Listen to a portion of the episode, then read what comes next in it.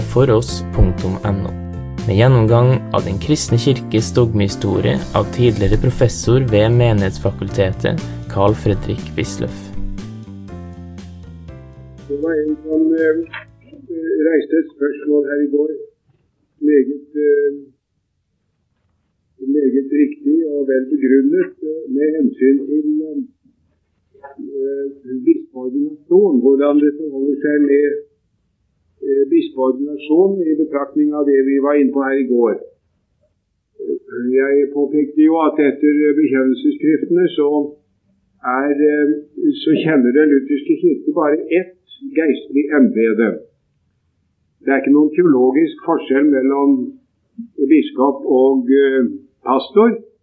Den forskjell som er, er av rent kirkerettslig natur. Han har flere fullmakter som han har fått ved menneskelig korporasjonsrett, i tillegg til um, den teologiske fullmakt med ord og sakrament som han fikk ved sin ordinasjon. Men det blir ikke da et spørsmål uh, her om det er ukorrekt kanskje med en bispeordinasjon? Hvor til hvem, hvis det ikke er noen ny, noe nytt embete i strikte forstand, men bare en utvidelse av den embetsmyndighet som er jure humano, jeg er sikker på at vi alle godt forstår problemstillingen. Og Mitt svar må bli at eh, det er faktisk enkelte ting å innvende imot eh, det ritual som brukes i vår kirke ved bispeordinasjon. Det påpekte i sin tid Gustav Jensen, stiftsprost Gustav Jensen, da han ennå var um, lærer ved praktikum. Og Man kan se der i referatene efter hans forelesninger at han har sagt at vårt nåværende ritual for bispevigsel er forfeilet i sitt midtpunkt, nemlig der hvor det heter Så overgir jeg deg det hellige bispeembetet. Da må man jo unektelig få inntrykk av at, som det heter, det hellige bispeembedet er noe annet enn det embedet som, som bispen har hatt før, mannen har hatt før. Uh, og at dette, siden det heter hellig embete, jo kanskje må være et teologisk forskjellig embete i relasjon til det han hadde som prest. Det tror jeg Gustav Jensen har aldeles rett i, og det har vært påpekt av forskjellige noen ganger Eh, siden det òg, eh, uten at det er kommet noe teologisk velbegrunnet svar. Det må samtidig sies at et annet sted i ritualet forekommer det et uttrykk som peker i en noe annen retning, og som man eh, jo og som Skagestad la vekt på, husker jeg, da jeg gikk på praktikum her for Skagestad for lenge siden. Eh, Skagestad satte fingeren på et uttrykk hvor det står at når Herren fremdeles betror deg embetet, og derhos betror deg, dertil betror deg en tilsynsmanns embete, så osv. Når han fremdeles betror deg embetet, og da står det visstnok en fotnote om at dette uttrykk skal utlates dersom eh, ordinanden, ordinanten, den vordende biskop, ikke tidligere har vært ordinert. Det hender jo det en annen sjelden gang at en mann blir ordinert til bisp, og da er han ikke tidligere som ikke tidligere har vært prest. Da skal han ikke ordineres to ganger, men det rekker med en bispeordinasjon, men med utelatelse av dette fremdeles, sa Skagestad. Og det er også riktig, naturligvis. Hvilket viser at det er eh, noe ubetenkt, noe ikke avveiet og uklart i vårt ritual. Det burde rettes på nå som hele dette svære korpus skal gjennomgås, sånn at det blir litt klarere. Hvis man da går videre og spør om vi kanskje helst ikke burde hatt noen bispeordinasjon i det hele tatt, så blir jo det et rent praktisk spørsmål, da. Personlig vil jeg da mene at jeg syns det er grunn til å ha det. En burde se nøye på uttrykkene, sånn at de var litt klarere og konsekvente. Og uttrykket 'det hellige bispeembedet' burde unngås, sånn at bekjennelsesskriftenes tankegang kom klarere frem. Teologisk sett er det bare ett embete, som altså har forskjellige kirkerettslige eh, skikkelser, riktignok. Men at vi altså har en høytidelighet i forbindelse med at vi får en ny tilsynsmann i vår kirke, det syns jeg det, det, etter mitt syn vel begrunnet. Det er en stor og, og viktig sak.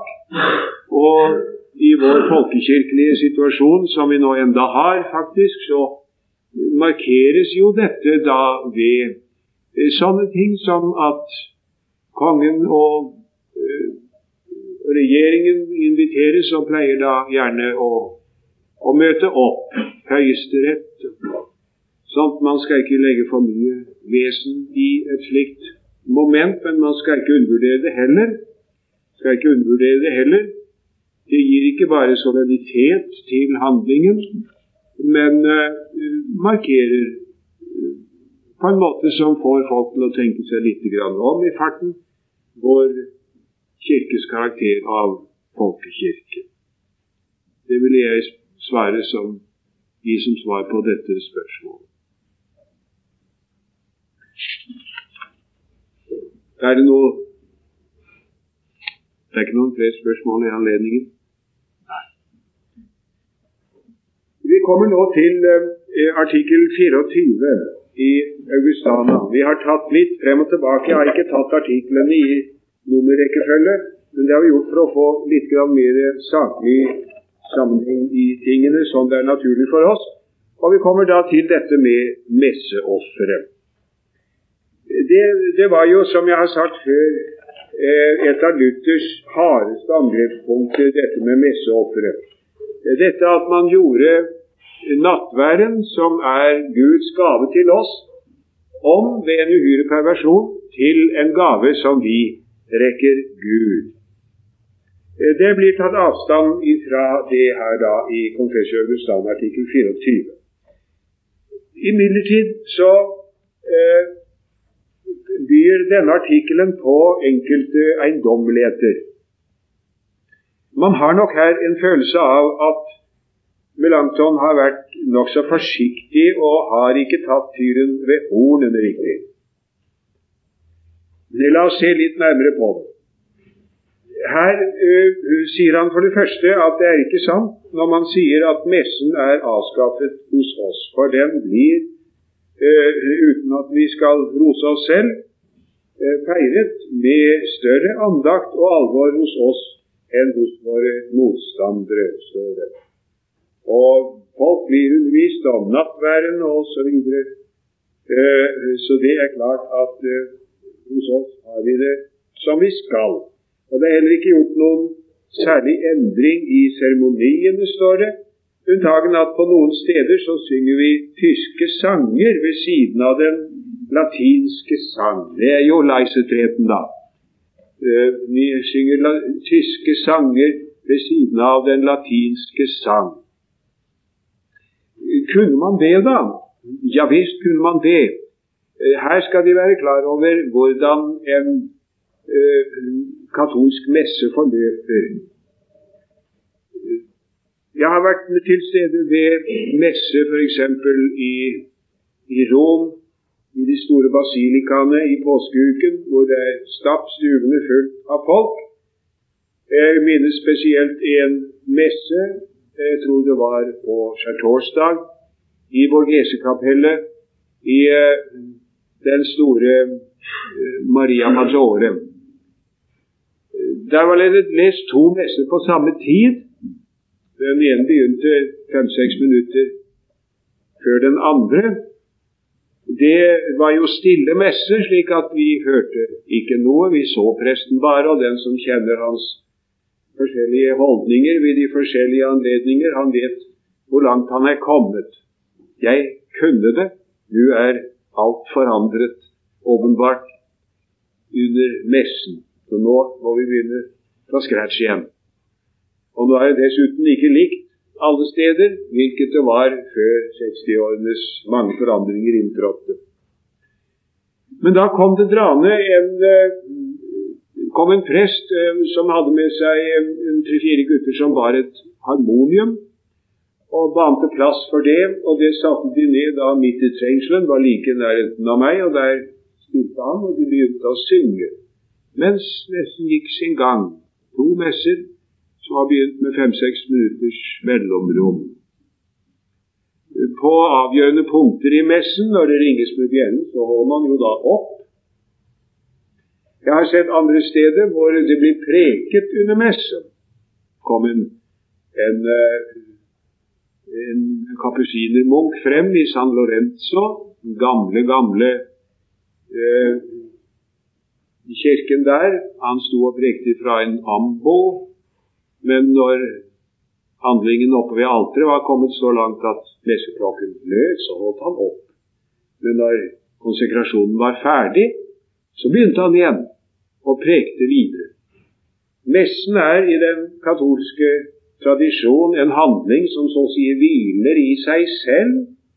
Man avbryter den naturligvis ikke når man er i kirken, men man kan lese sine egne bønner mens den pågår. Og hvorfor ikke, når noen fromme hjerter vil det, synge noen sanger på morsmålet.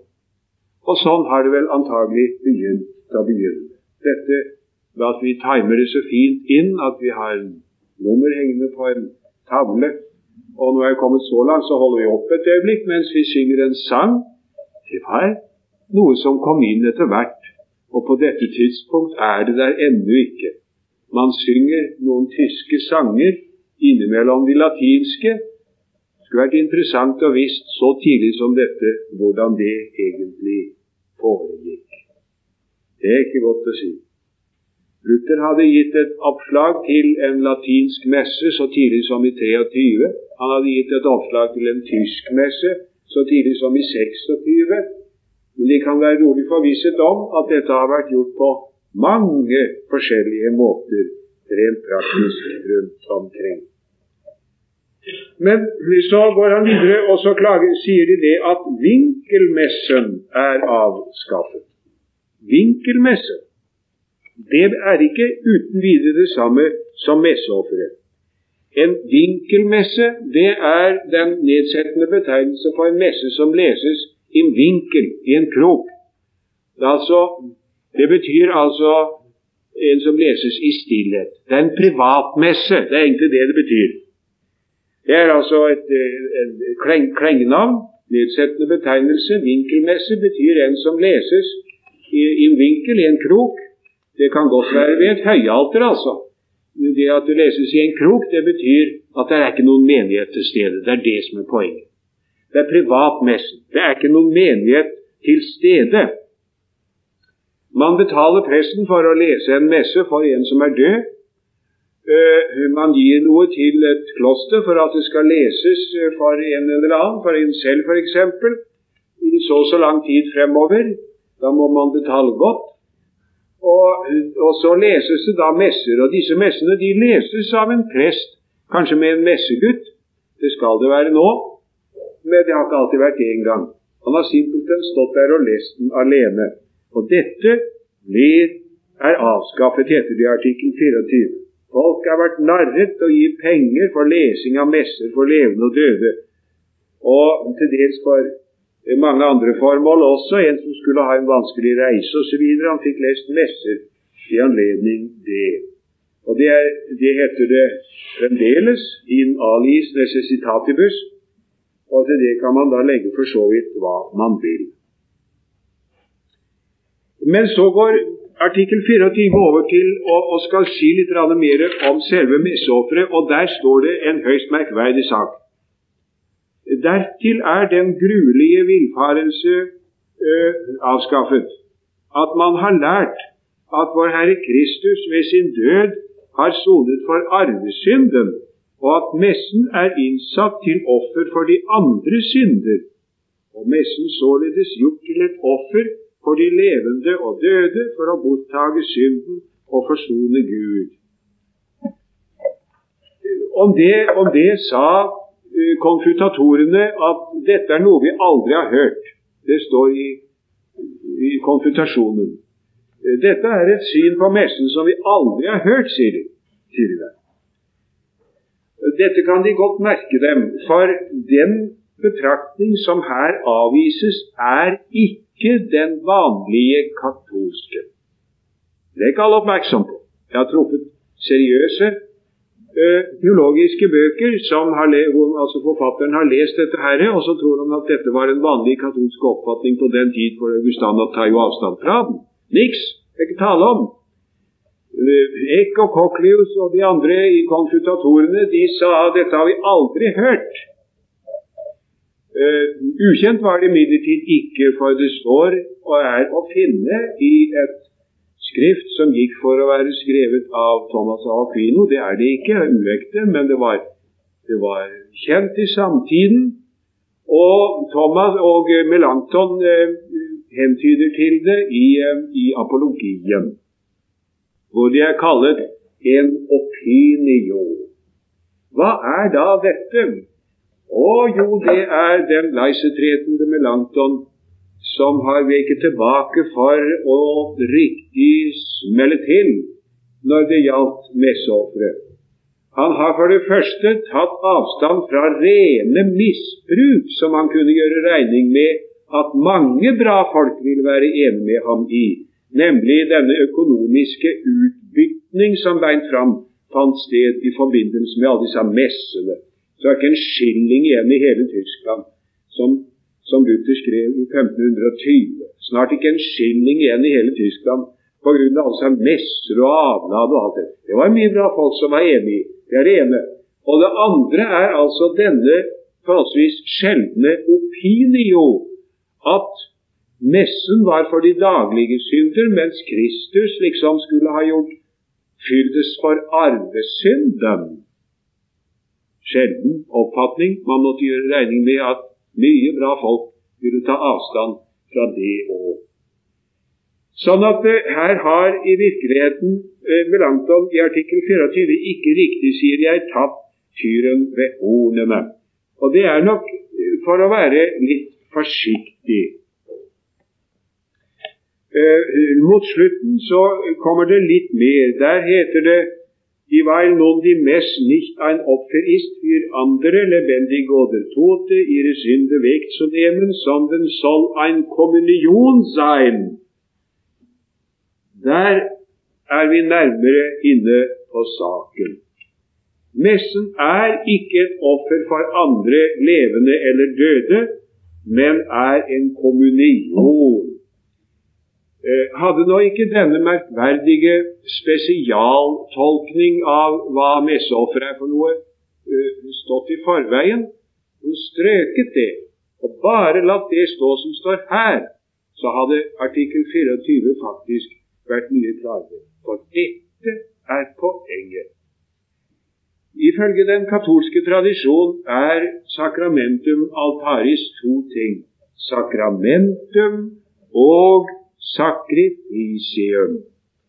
Sakramentum og sakrifisium. Sakrament og offer. Et sakrament som vi mottar, og et sakrifisium, et offer, som vi bringer Gud. Rett og slett. Og det står det her eh, Messen er ikke et offer for andre, men det er en kommunion.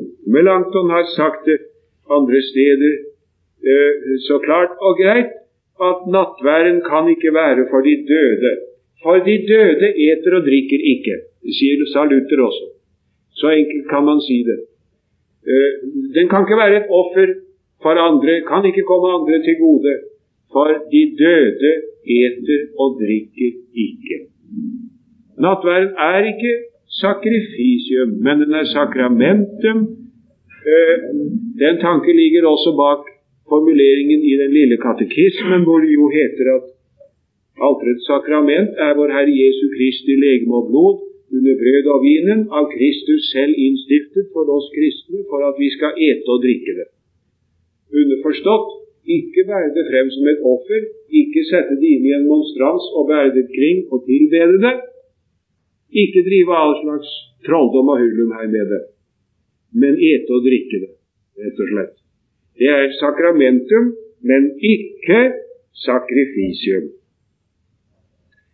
I, uh, I, apologien blir dette tatt blir, det tatt, uh, klar, klarere om denne ting.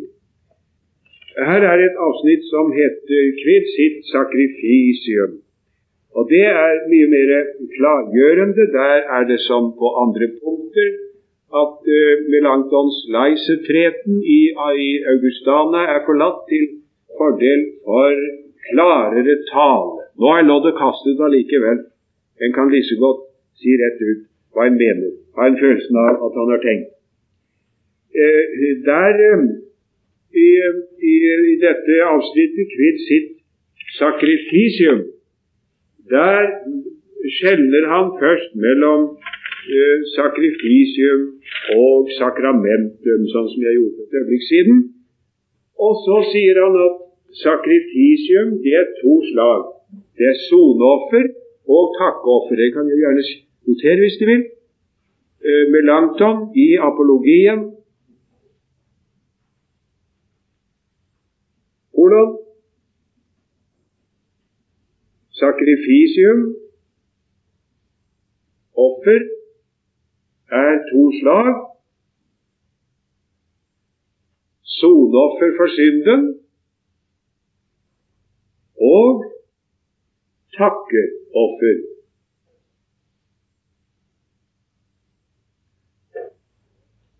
Soneoffer har Kristus fullbrakt én gang for alle.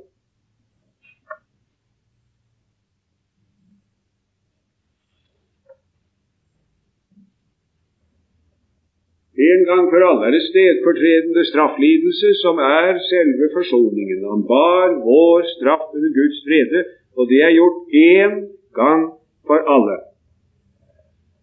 Men takkoffer skal vi alltid bringe, sier Langton.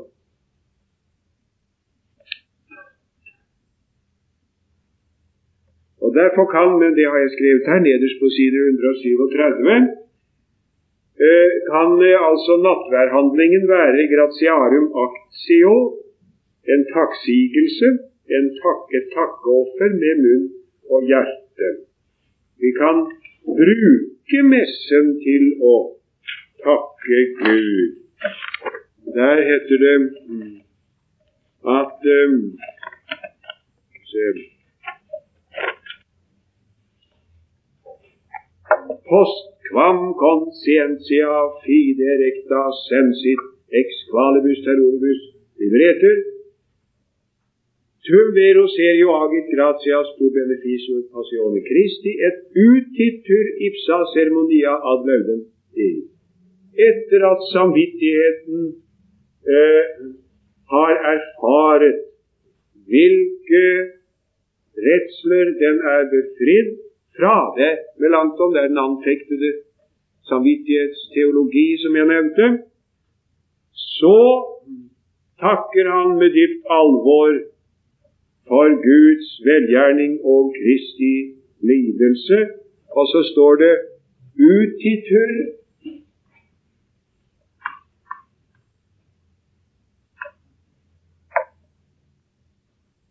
Ipsa ceremonia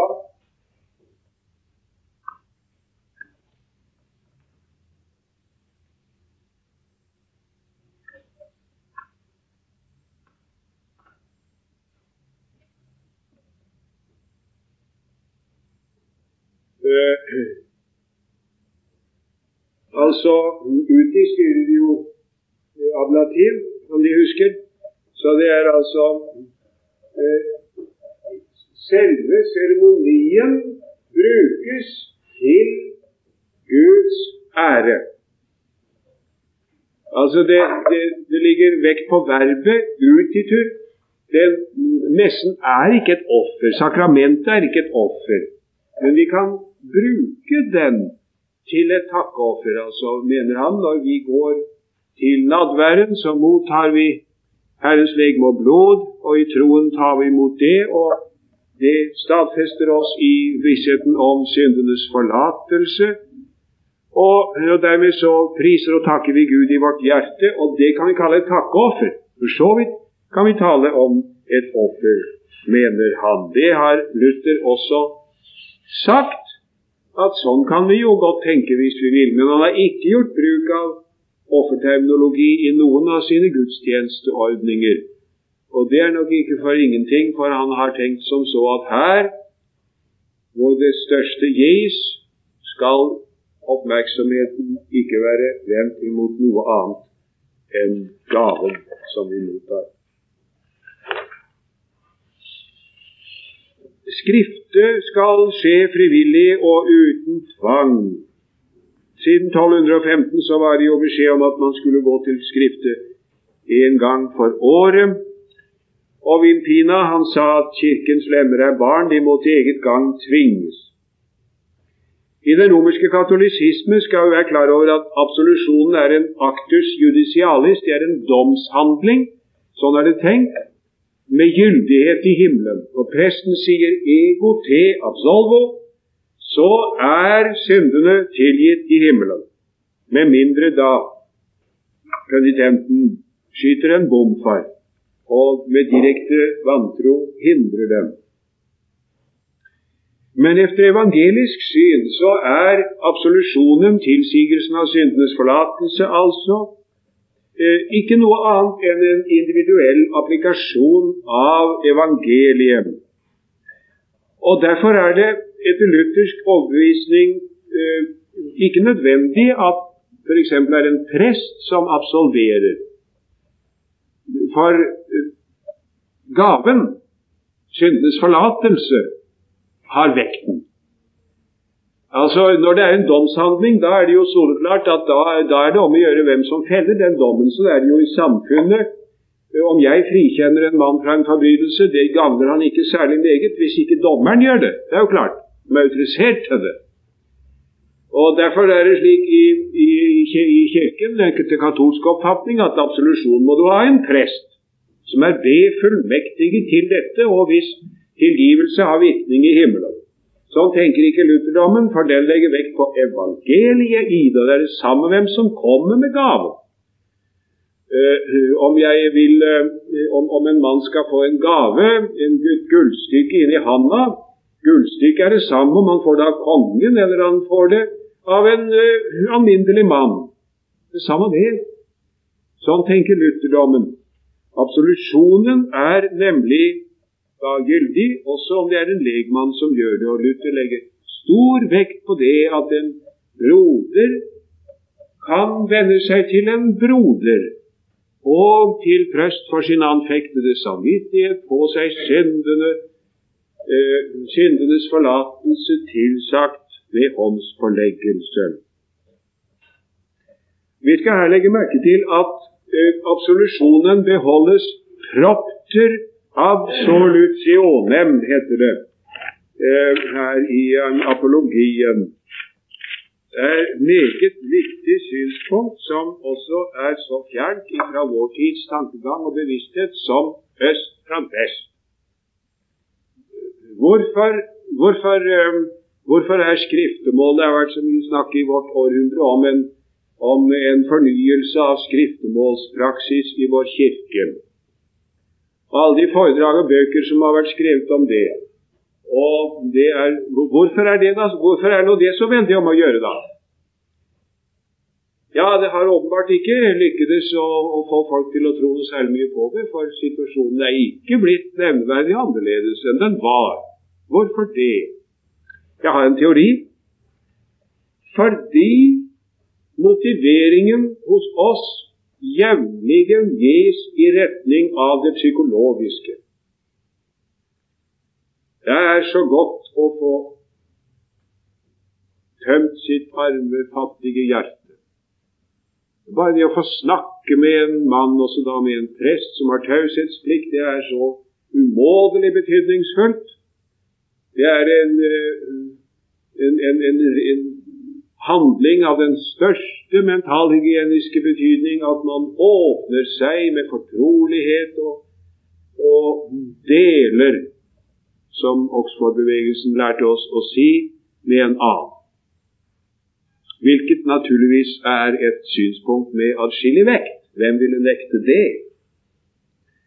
Men det er tankevekkende å se at reformatorene, reformatorene og apologien da her sier uh, et nos confessionem retinemus principe propter absolutionem. Vi fastholder den først og fremst for absolusjonens skyld, vil si for syndenes forlatelses skyld. Det blir annerledes med bruken av den individuelle tilsigelse av syndenes forlatelse den dagen kristenmennesker begynner å tenke litt annerledes om synden enn de gjør nå for tida. Sånn at ikke det er så soleklart at man har syndenes forlatelse hos Gud. Da samvittigheten har en tankeanfektelse om det samtidig, så en kan trenge den hjelp en kan få for å, å klare seg med sin fattige tro. Da kan det være en tanke å gå når man tenker sånn, å få seg den trøst som bl.a. består i at en broder tilsier en syndes forlatelse. Den forskjellen i tankegang er fundamental. Ingen tvil. Propter absolutionem skal det fastholdes. Helgendyrkelsen er avvist i artikkel 21. Det har jeg vært inne på. Presteekteskap likeledes. Og forskjell på mat det er altså alle disse abstinensforskrifter og sånt som efter luthersk oppfatning lett fører til fortjenestetenkning. Og likesom munkeløftene, tanken om status perfeksjonis, fører til egenrettferdighet og til forakt for den borgerlige tilværelse og de borgerlige plikter. Eh, dette med løftene man lover livslang eh, lydighet, kyskhet, eh, er eh, uevangelisk og ubibelsk, mener lutherdommen. Det er ikke riktig å be folk avlegge et sånt løfte. For han vet ikke om en kan holde dem, rett og slett. Skal du love noe utover ditt lovsløfte, sier Luther, så skal du love at du aldri biter av deg nesen, for det løftet kommer du til å holde.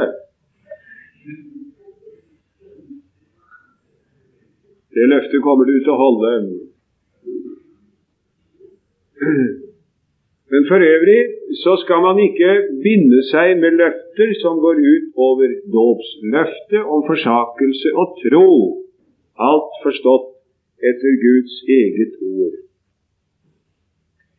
Artikkel 16, eh, der er det allerede nevnt om de eh, ja.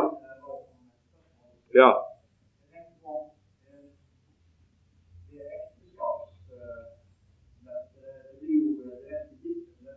Ja. Ja. Hvordan ser man da på det? Ja, det mener man at man kan holde det. Nei, ikke noe men der. Ikke etter Guds ord.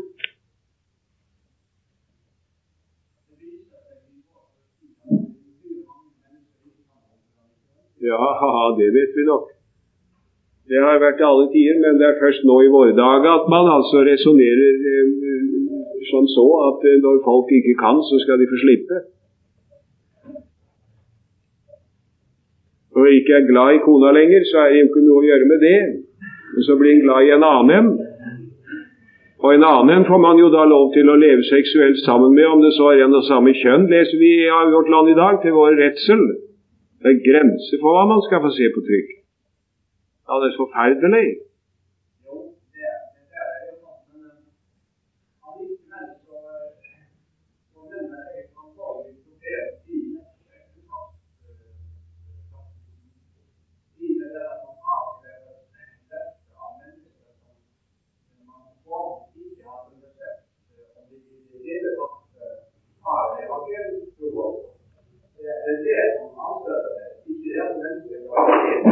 Nei. Nei, jeg skjønner det altså praksis og ikke vår uh, den teori som ligger til grunn, som anfektes. Ja, det kan vi ikke ta opp her. Og jeg mener jo at det, det, det prinsippet må jo altså fremfor alle ting stå fast. Det må ikke på noe punkt hva vi nå sier eller gjør, kunne reises den minste tvil om at Kirken regner med det livslange ekteskap som det riktige, og som man kan holde. Man kan det nemlig, hvis man ikke hengir seg til noen betraktninger som er stikk imot Guds eget ord. Eh, det, det, er jo det dessverre som skjer. Man resonnerer frem og tilbake ut ifra noen generelle prinsipper, og så måker man skriftsteder, klare Guds ord til side, sånn som vi har sett i dag i vårt land, med en håndbevegelse til fordel for et generelt prinsipp. Hvor har man det ifra?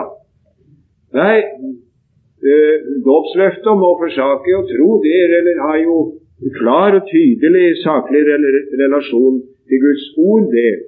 Og der står det noe om ekteskapet og om den livslange troskap, og om utroskap, om ord og utsvevelser, og også om homoseksuelle handlinger.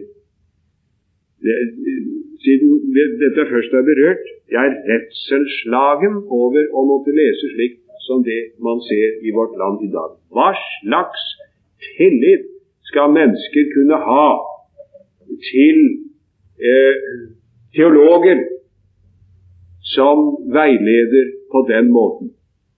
Skyver klare Guds ord til side med en håndbevegelse, og så bare lar noen sånne alminnelige prinsipper om hva man har lov til, gjelde til fortrengsel for det. Er vi kommet langt, langt, langt bort fra enkel troskap imot Guds ord, og det er veldig alvorlig. Vi må videre, og der er det artikkel 16. Ja, det er um, om de uh, borgerlige uh, om de borgerlige ordninger,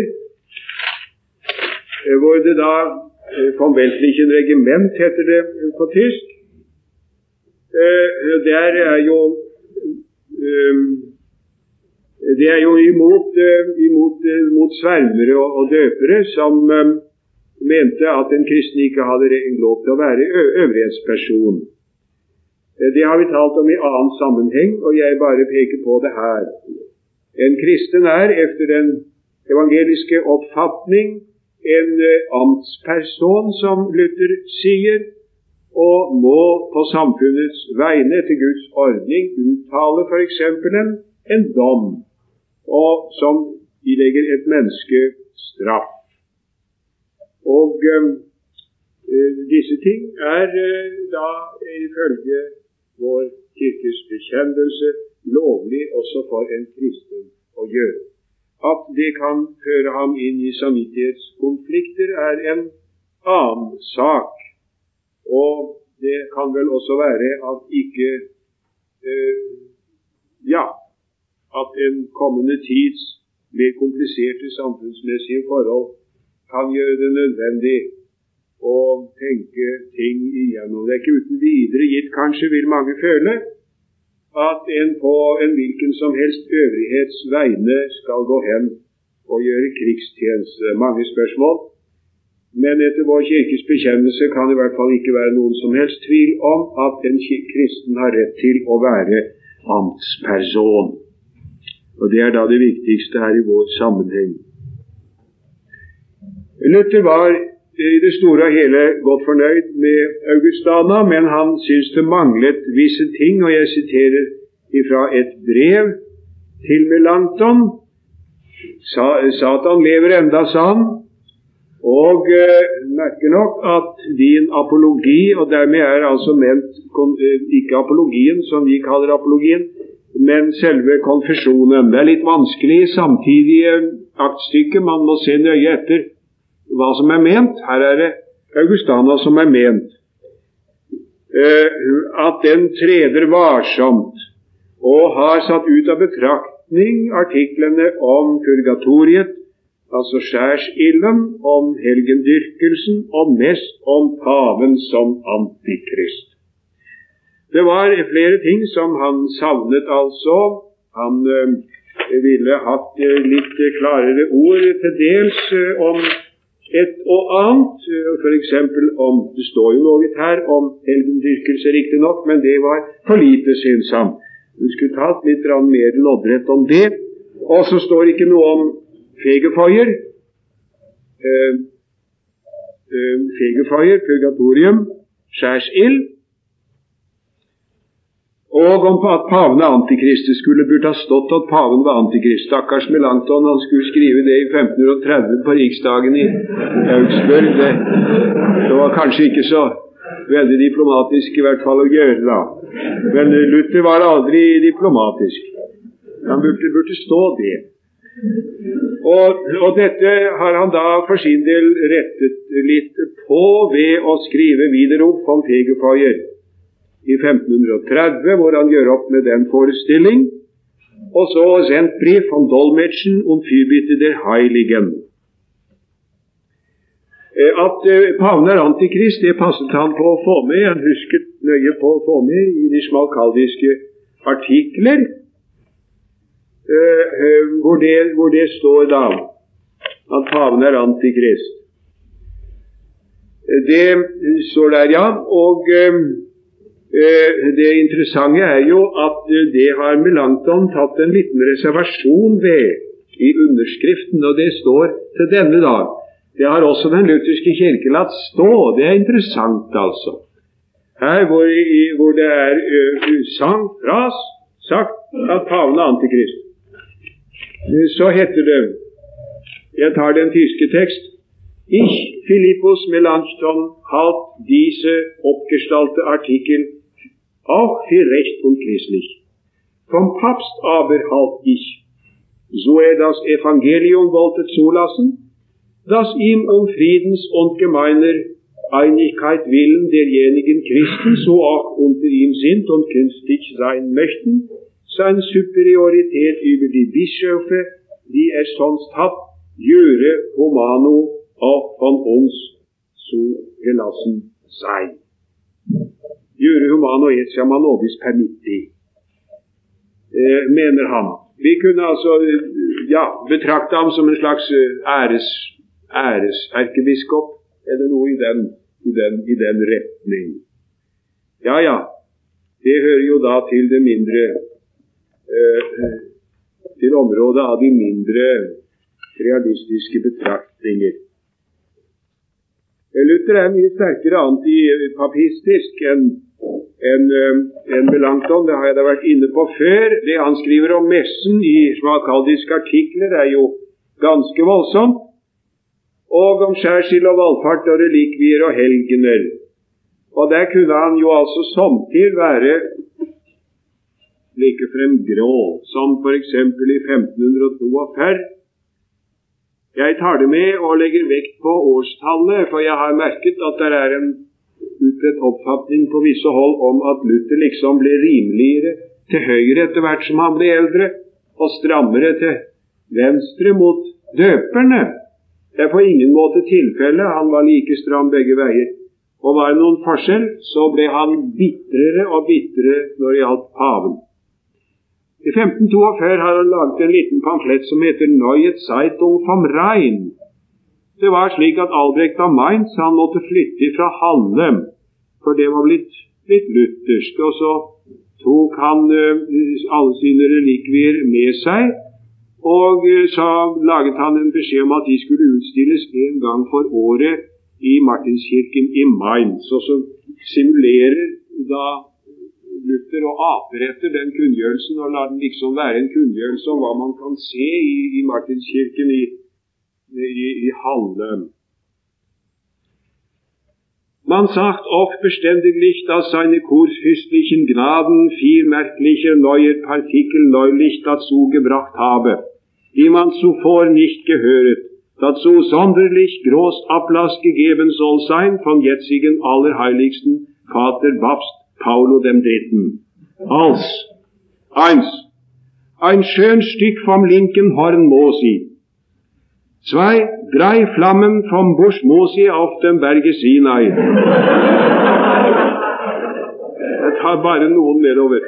Fins auch ein großer Lock vom Bart Beelzebub, der an derselben Fahnen bekleben bleibt.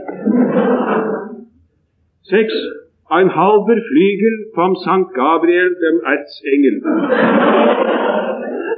Sieben, ein ganz Pfund von dem Winde, der für Elia überrauschet in der Hülle am Berge Horeb. Acht, zwei Ellen von dem Don der Posaunen auf dem Berge Sinai. 39 Bombard von der Pauken Miriam, der Schwester Mosi am Roten Meer gehöret. 10. 5 schöner heller seiten von der Harpen David. Zwölf, drei schöner Lockhaar des Absaloms, damit er an der Eichen hangend blieb. Also Og så står det på slutten Es hat mir ein sonderlicher guter Freund im Geheim gesagt, dass seine kurfürstliche Gnade, Albrecht also, wolle zu seine, solchem Heiligtum bescheiden im Testament ein ganz Quentin von seinem treuen, frommen Herzen und ein ganz Lot von seiner wahrhaftigen Zungen. Dazu solle bereit anerlange sein vom Allerheiligsten Vater dem Papst, dass wer solch Heiligtum mit einem Gilden ehren wird, der soll Vergebung haben aller seiner vorigen Sünden bis auf die Stunde begangen. Und alles, was er danach sündigen kann oder mag, zehn Jahre lang, und soll ihm alles nicht schaden zur Seligkeit. Det er jo helst ikke så lite grovt, men sånn tenkte han altså i 1522. Du har nå hørt Wisløffs dogmehistorie. Finn flere ressurser og vær gjerne med å støtte oss på foross.no. Følg også gjerne noen av våre andre podkaster, f.eks. Table Talks.